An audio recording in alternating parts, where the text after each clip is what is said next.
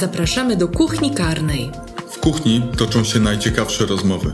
My będziemy mówić O przestępstwach gospodarczych, o compliance, o zatrzymaniach, o aresztach, o korupcji w biznesie, o oszustwach, o sygnalistach, o nadużyciach, o karuzelach VAT, o cyberprzestępczości. o przeszukaniach. Rozmowy o prawie karnym w biznesie. Zapraszamy co tydzień. Katarzyna Randziosajkowska, Michał Opala, Kancelaria SKS.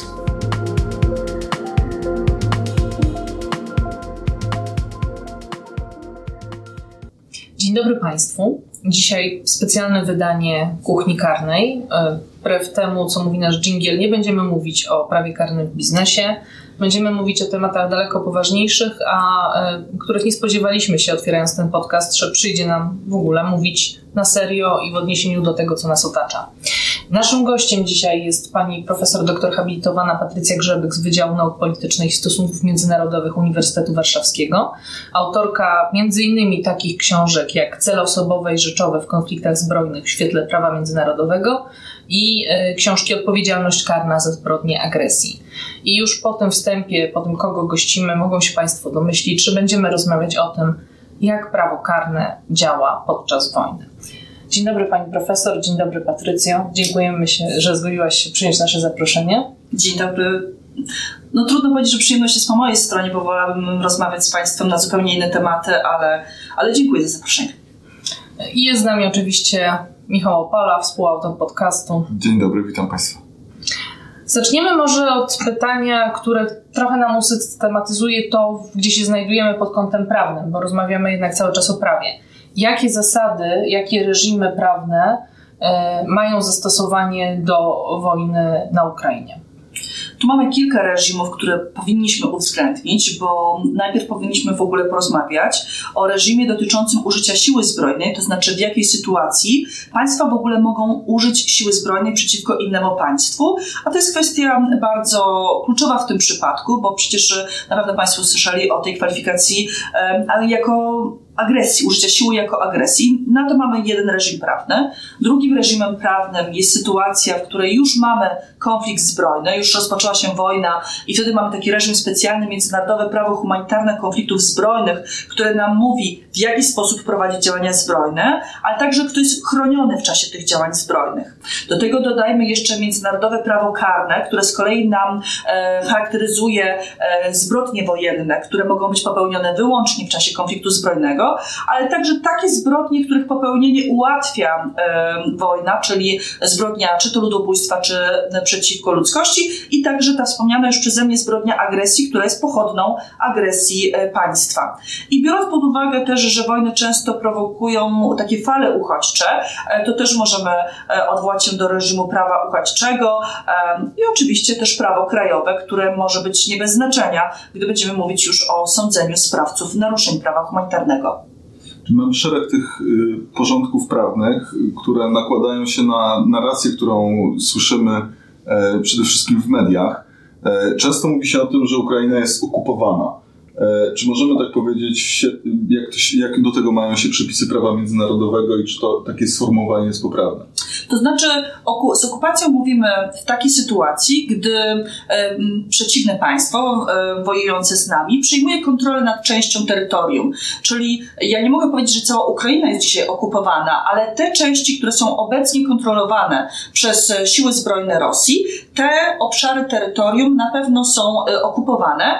I tu też warto przypomnieć, wchodzi nam jeszcze jeden reżim, czyli reżim praw człowieka. Zwłaszcza wtedy, kiedy Państwo pamiętają, że w tych podstawowych dokumentach z zakresu ochrony praw człowieka wymaga się, aby dane państwo miało jurysdykcję czy wręcz kontrolę nad danym terytorium, a ta kontrola niewątpliwie występuje e, w przypadku okupowanych terenów.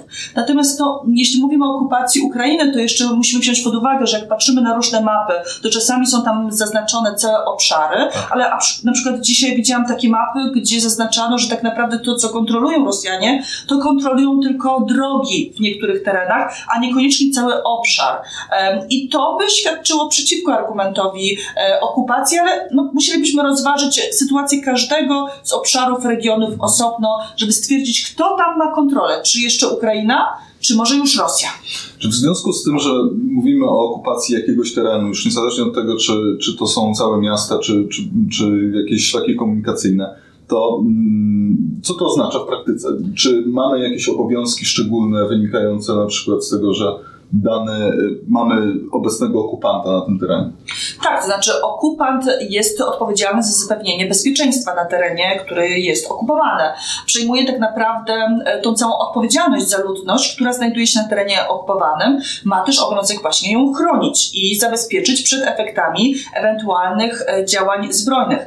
Proszę też pamiętać, że okupację traktuje się jako pewien taki stan tymczasowy.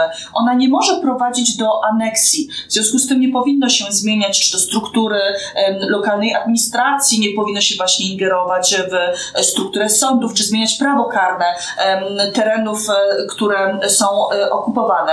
To ma być taki tymczasowy stan, gdzie okupant przejmuje kontrolę nad bezpieczeństwem mieszkającej tam ludności.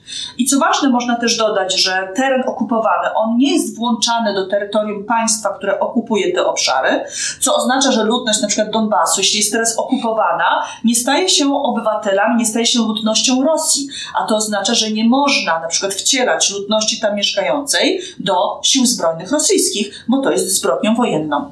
Jasne jest, że agresorem w tej sprawie jest Rosja. Tu, jeżeli chodzi o to, czy mówimy o prawie do wojny i czy, ta wojna w ogóle mogła wybuchnąć. Natomiast jak kształtuje się sytuacja Białorusi? Dotychczas wiemy, że wojska rosyjskie wkroczyły na teren Ukrainy poprzez Białoruś. Czy to już kwalifikuje e, możliwość rozmowy o Białorusi jako agresorze, czy nie, tego typu pomoc nie jest angażowaniem się w konflikt zbrojny? I tutaj mamy jasną wskazówkę, dla, którą dla nas sformułowało Zgromadzenie Ogólne Organizacji Narodów Zjednoczonych, przyjmując w 1974 roku rezolucję 3314, w której wymienia takie przykładowe akty agresji. Wśród tych aktów agresji jest wymienione udostępnianie własnego terytorium innemu państwu czy, czy innemu podmiotowi, które chce dokonać agresji. W związku z tym, jeżeli terytorium Białorusi zostało wykorzystane przez rosyjskie siły zbrojne do rozpoczęcia właśnie z tamtego obszaru ataku, Białoruś jest agresorem, tak? jest winna agresji. I oczywiście, no, ponieważ nie ma działań zbrojnych bezpośrednio pomiędzy Białorusią a Ukrainą, to ja nie będę mówiła tutaj o kontekście międzynarodowego prawa konfliktów zbrojnych, ale to nie wyklucza odpowiedzialności Białorusi za samą agresję jako taką. Chcemy w tej naszej rozmowie odnosić się do informacji i twierdzeń, które się pojawiają w prasie, tak żeby każdy, kto, e, kto je słyszy, żeby mógł sobie je skonfrontować właśnie z, e, z tym, jakie zasady obowiązują podczas konfliktu zbrojnego, podczas wojny.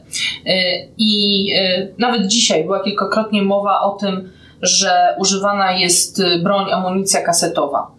Czy ta broń jest dopuszczalna, czy nie jest dopuszczalna? Jak, jak, jak wyglądają, czy w ogóle są regulacje tego dotyczące? Bo to, że nas bulwersuje fakt jej użycia, szczególnie w stosunku do ludności cywilnej, to jest e, niewątpliwe, ale jak, wyglądają, jak wygląda reżim prawny w tej sprawie?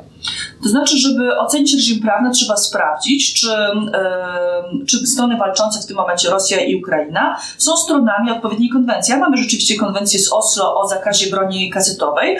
Problem polega na tym, że ani Rosja, ani Ukraina, ani Polska czy Stany Zjednoczone nie są stroną tej konwencji. Więc już wymieniłam Państwu trochę więcej tych e, państw, które nie są stroną tejże konwencji, bo to by też sugerowało, że zakaz użycia broni kasetowej nie wynika obecnie z prawa zwyczajowego.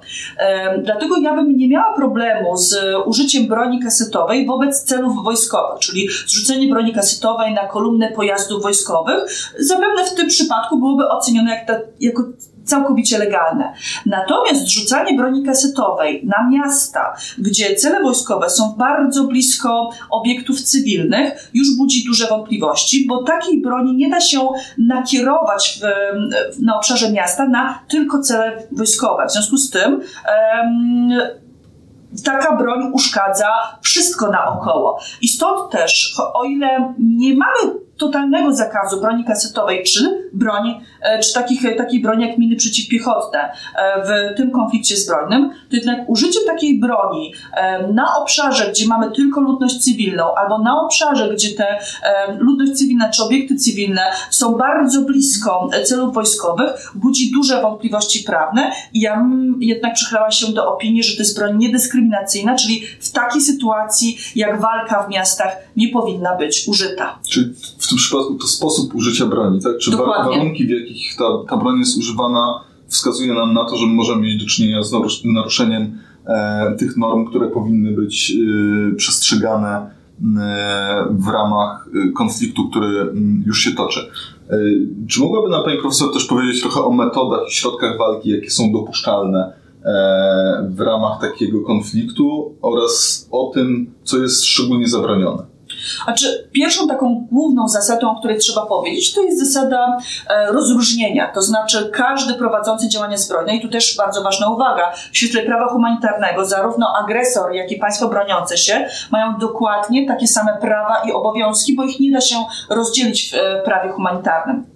Więc zasada rozróżnienia nakazuje każdej ze stron walczących odróżniać cywilów, ludność cywilną czy cywilne obiekty od celów wojskowych. I ataki można kierować wyłącznie e, w stronę celów wojskowych. Oczywiście może być taka sytuacja, kiedy mamy jakiś obiekt, e, obszar, gdzie te cele wojskowe są wymieszane z e, ludnością cywilną czy z obiektami cywilnymi, ale w takiej sytuacji przychodzi nam na pomoc zasada proporcjonalności. To znaczy ona nakazuje walczącym ocenę, czy ta korzyść wojskowa z ataku rzeczywiście przewyższa te straty cywilne. Jeśli walczący uznają, że tak, przewyższają, że jednak ten cel wojskowy jest dla nas zbyt ważny, to niestety, ale to usprawiedliwia te straty cywilne. Kłopot z zasadą proporcjonalności jest taki, że my nie mamy jasnych wskazówek, co jest akceptowalne, a co nie, więc każdy dowódca ocenia to według swojego e, doświadczenia. Dlatego tak rzadko się sądzi kogokolwiek za e, naruszenie zasady e, proporcjonalności. Jest jeszcze jedna zasada, zasada, która mówi, że na wojnie zabija się ludzi, tak? I można zabijać w świetle prawa humanitarnego kombatantów, cele wojskowe, natomiast nie można używać broni, która jest niehumanitarna, której celem jest tylko przedłużanie cierpienia. Taka broń jest zakazana, na przykład tak, tego typu bronią jest broń zapalająca, prawda? Napalm słynny z mhm. E, konfliktu w Wietnamie. Uznano, że jest to broń, której nie powinno się używać, bo jest ona po prostu niehumanitarna, albo na przykład broń, która pozostawia fragmenty w ciele, których nie da się wykryć na um, zdjęciach rentgenowskich. Ja mówię na przykład to w kontekście koktajlów Mołotowa. Wielu prawników twierdzi, że nie ma problemu obrzucaniem koktajlami Mołotowa e, pojazdów, tak, e, czołgów, natomiast rzucanie nimi w ludzi już byłoby zabronione, gdyż w efekcie rzucenia takiego koktajlu są małe fragmenty szkła, których nie będzie można wykryć, a one powodują e, ból. A jeżeli chodzi mm, o atak na morale, bo y, y, bardzo dużo tych działań wojennych, które teraz się toczą, nakierowane jest, przynajmniej tak się wydaje, na to, żeby osłabić morale zarówno żołnierzy, jak i ludności cywilnej. Po prostu skłonienie ich do poddania się, nawet nie poprzez uzyskanie jakiejś przewagi militarnej czy zajęcie większego e, obszaru, terytorium kraju, tylko po prostu wpłynięcie na, na ich postawę. Jeżeli ludność cywilna jest chroniona, a jest, to tak naprawdę mówienie o tym, że atakujemy morale ludności cywilnej, bo chcemy, żeby oni odwrócili się od obecnych władz Ukrainy, tego typu działania byłyby bezprawne, byłyby nielegalne. Po pierwsze, trudno mówić o ataku na morale, bo jest to coś niematerialnego, a po drugie, no my nie możemy kierować naszych ataków w stronę ludności cywilnej, bo to morale byśmy zniszczyli na przykład w postaci um, siania terroru. A mamy osobny zakaz w prawie humanitarnym, że nie można terroryzować ludności cywilnej. Nie chodzi o to, żeby ją zastraszać.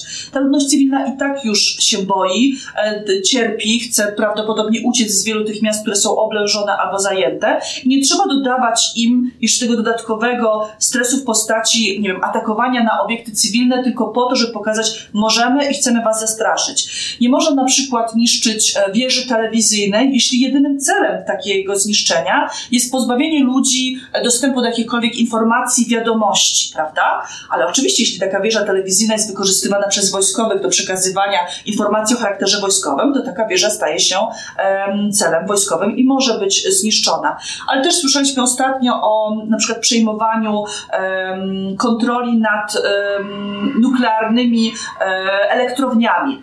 Elektrownie nuklearne są generalnie chronione w prawie. E, nie można ich atakować, nawet jeżeli znajdują się tam siły zbrojne na terenie tych e, elektrowni. W zupełnie ekstremalnych sytuacjach dopuszcza się zaatakowanie elektrowni nuklearnych, ale ja nie widzę takich przesłanek póki co, żeby, żeby coś takiego przyjąć. Natomiast bardzo, e, znaczy może nie bardzo wiele, ale szereg państw, które prowadziły działania zbrojne, uważają, że najpierw co trzeba zrobić, i to byli amerykańscy dowódcy, którzy w ten sposób podkreślali, trzeba odciąć prąd żeby ta ludność marzła, nie mogła się leczyć, nie, mog- nie miała dostępu do czegokolwiek, w ten sposób ją złamać i wtedy się odwróci od swoich przywódców. Ale ten sposób prowadzenia działań zbrojnych jest bezprawny, bo nie można za cel obrać sobie ludności cywilnej. Czyli ten cel wojskowy, tak, cel jakiejś operacji musi być wymierzony, mieć charakter militarny, tak? To... Tak, w ten sposób powinniśmy to rozumieć. A jak możemy się odnieść do kwestii y, tak zwanych operacji czy działań pod fałszywą flagą? Bo dzisiaj się dość dużo o tym mówi, że mamy y, wykorzystywane elementy y, umundurowania ukraińskiego przez siły rosyjskie czy prawo międzynarodowe w ogóle adresuje te kwestie? Jak, jak powinniśmy się e, odnosić do takich sytuacji? Znaczy prawo międzynarodowe, prawo humanitarne odnosi się do tego typu kwestii, bo po pierwsze mówi o tym, iż są dozwolone podstępy e, wojenne, to znaczy można się maskować, można przebierać się choćby i w ubrania cywilne, czy, czy w ubrania przeciwnika, żeby na przykład zdobywać informacje, zrobić taki zwiat, no ale osoba, która w ten sposób postępuje, ryzykuje, gdyż jeśli będzie złapana, może być oskarżona o szpiegostwo i nie uzyska statusu statusu jeńca wojennego. Natomiast e, tego typu przebieranie się i udawanie kogoś innego, jeśli jest wykorzystywane w ten sposób, iż ja podchodzę do wroga, a on w zaufaniu do mnie, bo widzi osobę cywilną, czy widzi prawdopodobnie kolegę ze swojego oddziału i w tym momencie jest zaatakowany, taki atak będzie uznany za tak zwaną perfidię i jest to zbrodnią wojenną. Czyli rozejrzeć można się w mundurze przeciwnika, ale żeby kogoś zaatakować, zranić. Można wykorzystywać tej przewagi związanej z zaufaniem. zaufaniem, tak? No i tutaj trochę dotykamy tego, jak właśnie chronieni są cywile i czego, co im wolno, a czego im nie wolno, albo raczej mówiąc, co, co grozi dla nich konsekwencjami niepożądanymi. Bo słyszymy dużo na przykład y, o takich sytuacjach, y, kiedy ludność cywilna wychodzi, zatrzymuje czołgi albo wręcz atakuje te czołgi y, najeźdźcy właśnie koktajlami Mołotowa, które zostały dzisiaj wspomniane. Jak, jak to stawia cywilów w świetle prawa konfliktów zbrojnych?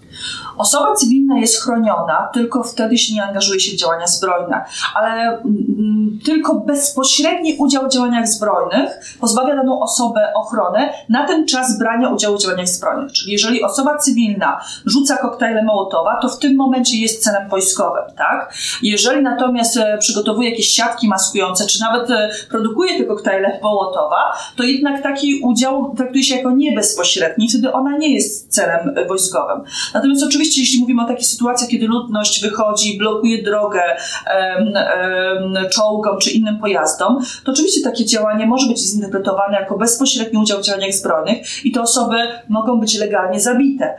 Ale nawet jeśli prawo humanitarne na coś pozwala, to każdy dowódca myślący powinien pamiętać jeszcze o jednej zasadzie w zasadzie konieczności wojskowej. Ja powinienem zniszczyć, zabić tego, e, tylko w takiej sytuacji, jeżeli to jest konieczne. Jeżeli ja mogę na przykład wybrać inną drogę albo e, nie, nie, zaatakować danego celu, bo to i tak mi nic nie da z punktu widzenia wojskowego, to nie powinienem tego robić, tak? I to jest, to jest takie zdroworozsądkowe podejście, bo nie ma armii na świecie, nawet najbogatsze armie, nie stać ich, żeby niszczyć i zabijać wszystko naokoło. Ta amunicja jest kosztowna i dlatego zasada konieczności wojskowej mówi, chcecie, niszczcie to, co jest konieczne z punktu widzenia wojskowego ale nic więcej. Mhm. A gdybyśmy jeszcze zostali przy tym przykładzie osoby, która mm, dopuszcza, osoby cywilnej, która dopuszcza się ataku z wykorzystaniem koktajlu Mołotowa, e, to w jaki sposób y, powinni, powinni, za,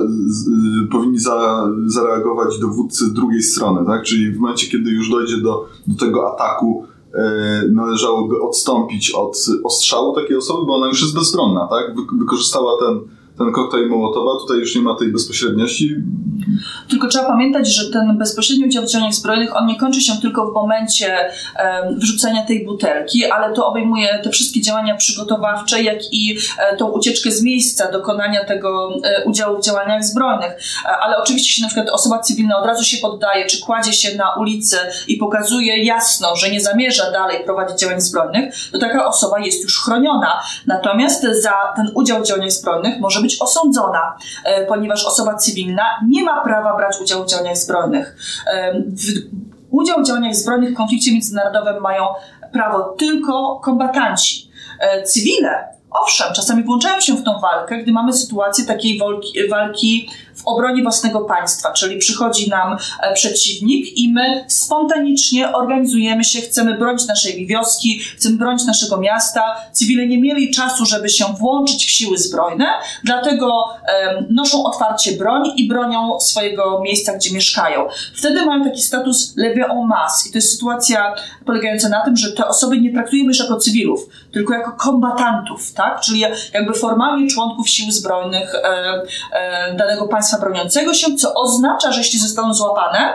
mają status jeńca wojennego i nie mogą być osądzone za swoją walkę. Ale oczywiście, jako lewe omas, stają się celem wojskowym legalnym. Rozumiem. A z czym wiąże się uzyskanie statusu jeńca wojennego? Status jeńca wojennego oznacza, że po pierwsze, Obowiązek polega na tym, iż nie można mnie rozliczać za mój udział w działaniach zbrojnych, chociaż można mnie osądzić za zbrodnie wojenne, prawda? E, I druga rzecz, taka osoba podlega ochronie, e, albo się ją powinno e, internować zazwyczaj w obozach jenieckich, albo powinno się ją zwolnić, tak? Pod przysięgą, że nie będzie brała więcej udziału w działaniach zbrojnych. Natomiast jeniec nie może być zabity, nie może być zraniony, nie można go pozbawić prawa do sądu.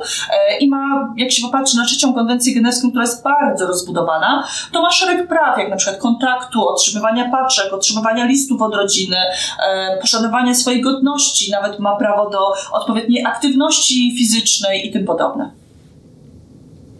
I skoro mówimy właśnie o, o cywilach i ich ochronie, e, przez weekend słyszeliśmy bardzo dużo o korytarzach humanitarnych. E, najpierw było zdziwienie, dlaczego dopiero teraz o tym mówimy, że te korytarze są organizowane, e, a potem to, co się z nimi stało, to znaczy, że niektóre z nich były ostrzeliwane. E, przynajmniej te transporty. Tak. Więc na początek może wyjaśnijmy, kto może organizować, bo chyba sama nazwa sugeruje społeczeństwu, że to na przykład Międzynarodowy Czerwony Krzyż organizuje korytarz humanitarny i można go zorganizować bez współpracy i woli stron konfliktu. Nie, to znaczy jeśli korytarz humanitarny ma rzeczywiście funkcjonować, to tak naprawdę tego, to, to jest taka strefa, przez którą rzeczywiście ludność cywilna mogłaby opuścić obleżone e, miasto. Natomiast, żeby taki korytarz utworzyć, potrzebna jest zgoda obydwu stron konfliktu, tak? To znaczy, oczywiście dana strona może ogłosić, proszę udać się tą drogą i uciekać, ale jeśli nie jest to uzgodnione z drugą stroną, no to e, w tym momencie e, nie mamy tego zapewnienia, że te osoby nie będą atakowane. Ale jednocześnie doda, jeśli druga strona wie, że tą ulicą, tą drogą idą cywile, to nie mam prawa ich atakować. Nawet sam fakt nieuzgodnienia z nimi, że tędy będą ci ludzie uciekać, nie daje uprawnienia do ich zabijania, tak? Jeśli ja wiem, że to są osoby cywilne. A bardzo ważną zasadą, zasadą ostrożności w prawie humanitarnym e, jest zasada, która właśnie mówi, że jeśli ja nie wiem, kim jest dana osoba, powinnam przyjąć, że to jest osoba cywilna i nie mam prawa jej zaatakować. Jeśli nie wiem, czym jest ten budynek, w jakim celu jest wykorzystywany, to muszę przyjąć, że jest to obiekt cywilny. Nie można atakować na zapas, prawda? Tylko ja powinnam atakować wtedy, kiedy status danej osoby czy obiektu został w jakiś sposób zweryfikowany. No dobrze, czyli potrzebujemy woli państw wojujących do tego, żeby utworzyć korytarz humanitarny i ten korytarz może służyć zarówno do ewakuacji ludności cywilnej, jak i do dowiezienia pomocy, pomocy humanitarnej do obleżonego miasta na przykład, tak? Tak, ponieważ też zwróćmy uwagę, że nie ma obowiązku opuszczenia e, miasta przez ludność cywilną. Niektórzy ludzie kalkulują, zastanawiają się, przecież ja nie mamy gdzie pójść, nie, ma, nie wiem gdzie uciekać, nie chcę zostawić swojego dobytku, zostanę tutaj. To są też takie bardzo emocjonalne decyzje. To nie jest prosty po prostu zostawić wszystko za sobą, ale to nie znaczy, że te osoby stają się celem w związku z tym. Nie, one mogą zostać w tym mieście, powinny być, e, jeśli to się da jakoś oddzielone od pozostałych pozostałych żołnierzy, celów wojskowych i one nadal są chronione. Chociaż są takie głosy w literaturze, że jeśli cywile nie korzystają z tej możliwości opuszczenia miasta, to jednak muszą wziąć pod uwagę, że to ryzyko ich się zwiększa, ponieważ przeciwnik może przyjąć, że jednak ta ludność cywilna, która chciała zachować swoje życie, już tam nie jest. Tak? No, to jest, oczywiście takie argumenty mogą padać, natomiast one nikogo nie przekonają, jeśli nadal ktoś świadomie będzie e, zabijał ludność cywilną, która nie walczy. I mam jeszcze jedno pytanie dotyczące tych korytarzy. E, jak one w rzeczywistości funkcjonują? Czy e, to rzeczywiście jest taka wolna droga? Czy państwa, które je tworzą, mogą sprawdzać, co jest wwożone, wywożone? Tak. I czy można wtedy używać sił zbrojnych, żeby zaatakować to, co jest przewożone e, korytarzem humanitarnym. A czy oczywiście państwa w, w okresie wojny nie ufają sobie, więc e, nie zdziwiłoby mnie, gdyby każda ze stron chciałaby zweryfikować, kto i co przemieszcza się takim korytarzem humanitarnym. Oczywiście państwa też mogą uzgodnić, że takie kontrole, czy taką w ogóle organizacją korytarza humanitarnego zajmie się jakaś neutralna państwo, czy neutralna organizacja. I tutaj pani mecenas już wymieniła Międzynarodowy Komitet Czerwonego Krzyża, który rzeczywiście może pośredniczyć w takich rozmowach i organizacji korytarza humanitarnego. Ale no też Państwa znają sobie sprawę, że w historii mamy wiele przypadków nadużyć i wykorzystywania tego typu sytuacji um, do albo przemieszczanie własnych sił, prawda? Słynny, o, mówimy o konflikcie pomiędzy Rosją a Ukrainą, ale to jest słynny biały konwój na Ukrainę, tak. wysyłany przez Rosję, gdzie wszyscy podkreślali, że w tym białym konwoju wcale nie jedzie pomoc humanitarna, ale jadą siły zbrojne i jedzie broń. I co w przypadku właśnie takich nadużyć? Yy, czy mamy, czy istnieją w ogóle jakieś środki reakcji na, na takie przypadki? No myślę, że w, w, przypadku, kiedy takie zaufanie zostanie utracone, to ten korytarz humanitarny przestaje istnieć, tak? Państwa... Traci ten status korytarza de facto. Znaczy nie tak, powiedziałabym, że traci status korytarza, bo po prostu Państwa powiedzą, że na przykład um, tą umowę dotyczącą korytarza uważają za zakończoną, e, powinien to jakoś zadeklarować i tak jak powiedziałam, nawet jeśli ten korytarz przestanie obowiązywać w związku z jakimś oświadczeniem, tak, decyzją państw, to, to nie zwalnia z obowiązku poszanowania życia tej ludności cywilnej, która na przykład jeszcze dalej tym korytarzem ucieka. Natomiast oczywiście no, ryzyko się zwiększa. Jasne. Y, wiele informacji, które, y, które do nas docierają, pochodzi od y, zawodowych dziennikarzy, którzy, którzy przybywają dzisiaj na Ukrainie. E, czy możemy porozmawiać chwilę na temat ich statusu? Czy należy traktować te osoby jako zwykłych cywili, czy może mają jakiś inny status? Znaczy tutaj, jeśli mówimy o osoby, które mm, relacjonują nam, co się dzieje na froncie, to mamy dwie kategorie. Mamy takich oficjalnych korespondentów wojennych, którzy towarzyszą siłom zbrojnym i takie osoby w momencie ich schwytania, one mają status e, jeńca wojennego, natomiast takie osoby, które towarzyszą siłom zbrojnym, e, siłą rzeczy narażają się na większe ryzyko e, ataku, nawet jeżeli nie są celem ataku jako takie. A pozostali dziennikarze, którzy nie mają takiego oficjalnego statusu w ramach sił zbrojnych, oni mają status osoby cywilnej i są chronieni jako osoby cywilne. I oczywiście jest duża dyskusja o tym, żeby mieć większą jeszcze ochronę, biorąc pod uwagę, jak ważni oni są dla nas, żeby poznać prawdę.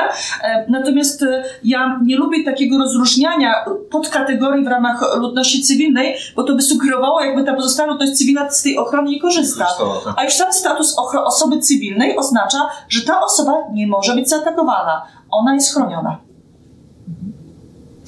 Y, to skoro mówimy o właśnie o ludności cywilnej, bardzo wiele osób y, przekracza granicę z Polską, ze Słowacją, y, z Węgrami i udaje się do państw Unii Europejskiej. Co jest, można powiedzieć, naturalne, chociaż jest to oczywiście bardzo trudna decyzja, żeby opuścić swoje miejsce zamieszkania i cały swój dobytek. Y, szeroko się mówi o tych osobach jako uchodźcach. Czy, czy to rzeczywiście są osoby, które mają status uchodźcy, czy to jest tylko takie potoczne ich nazywanie w związku z sytuacją, ale jeżeli chodzi o reżim prawny, to, e, to on do nich jako do uchodźców się nie stosuje.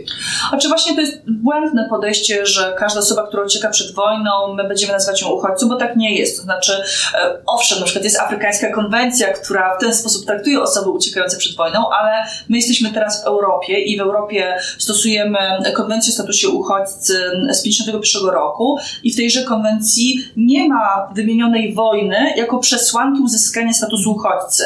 Żeby być uchodźcą, trzeba przekroczyć granicę innego państwa i to się dzieje, prawda, na granicy przykład polsko-ukraińskiej, ale jeszcze trzeba udowodnić, że dana osoba indywidualnie jest prześladowana z różnych względów i dlatego grozi, ze względu na to prześladowanie, ucieka y, z Ukrainy. I dlatego nawet w przypadku wojny, która przecież nie rozpoczęła się w lutym 2022 roku, ale rozpoczęła się w 2014 roku wraz z zajęciem Krymu, e, Polska wcale nie przyznawała statusu uchodźcy każdemu Ukraińcowi, który tłumaczył się, że ucieka przed wojną, bo mówiliśmy, są jeszcze terytoria bezpieczne na Ukrainie, prawda? I e, nie ma potrzeby, żeby dawać ten status uchodźcy. A po drugie, no trzeba wykazać, że dana osoba rzeczywiście jej grozi niebezpieczeństwo w państwie, z którego ucieka. Dlatego chyba bardziej prawidłowym sformułowaniem jest um, migrant wojenny, uciekinier wojenny. No i też pamiętajmy, że dla tych osób, które uciekają obecnie do Polski, niekoniecznie y, ubieganie się o status uchodźcy może być korzystne, ponieważ taki proces ubiegania się o status uchodźcy jest długotrwały. On trwa zazwyczaj około roku, nawet dłużej. Przez ten czas nie można formalnie podjąć pracy, e, przebywa się w specjalnym ośrodku. W związku z tym te e, środki przyjęte w ramach Unii Europejskiej, że osoby uciekające z Ukrainy mają łatwiejszy dostęp do rynku pracy, mają e, możliwości uzyskania wizy, przynajmniej na ten pierwszy rok, może być o wiele bardziej korzystny dla tych migrantów wojennych niż ubieganie się o formalny status uchodźcy, który pewnie trudno byłoby uzyskać. Y, no, to ma znaczenie również w związku z tym, że w Polsce jest także przygotowywana specustawa, która ma regulować właśnie zarówno status e, tych uciekinierów wojennych i możliwość ich legalnego pobytu na terenie naszego kraju, jak i właśnie podjęcie pracy, inne zabezpieczenia socjalne, szkolnictwo i tym podobne. Więc e, tu rzeczywiście e, wiem, wręcz państwo apeluje o to, żeby nie składać wniosków o, o status uchodźcy i, i my to podkreślamy. Są lepsze drogi żeby legalnie być na terytorium naszego kraju.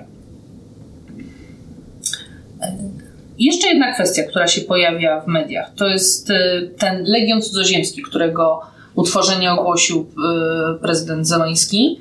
Y, ma przyjmować w poczet walczących po stronie ukraińskiej w tej wojnie cudzoziemców. My już w naszych materiałach e, na stronie skslegal.pl e, informowaliśmy o tym, w jaki sposób można legalnie zaciągnąć się do polskiego wojska. Na dzisiaj do ukraińskiego do, wojska.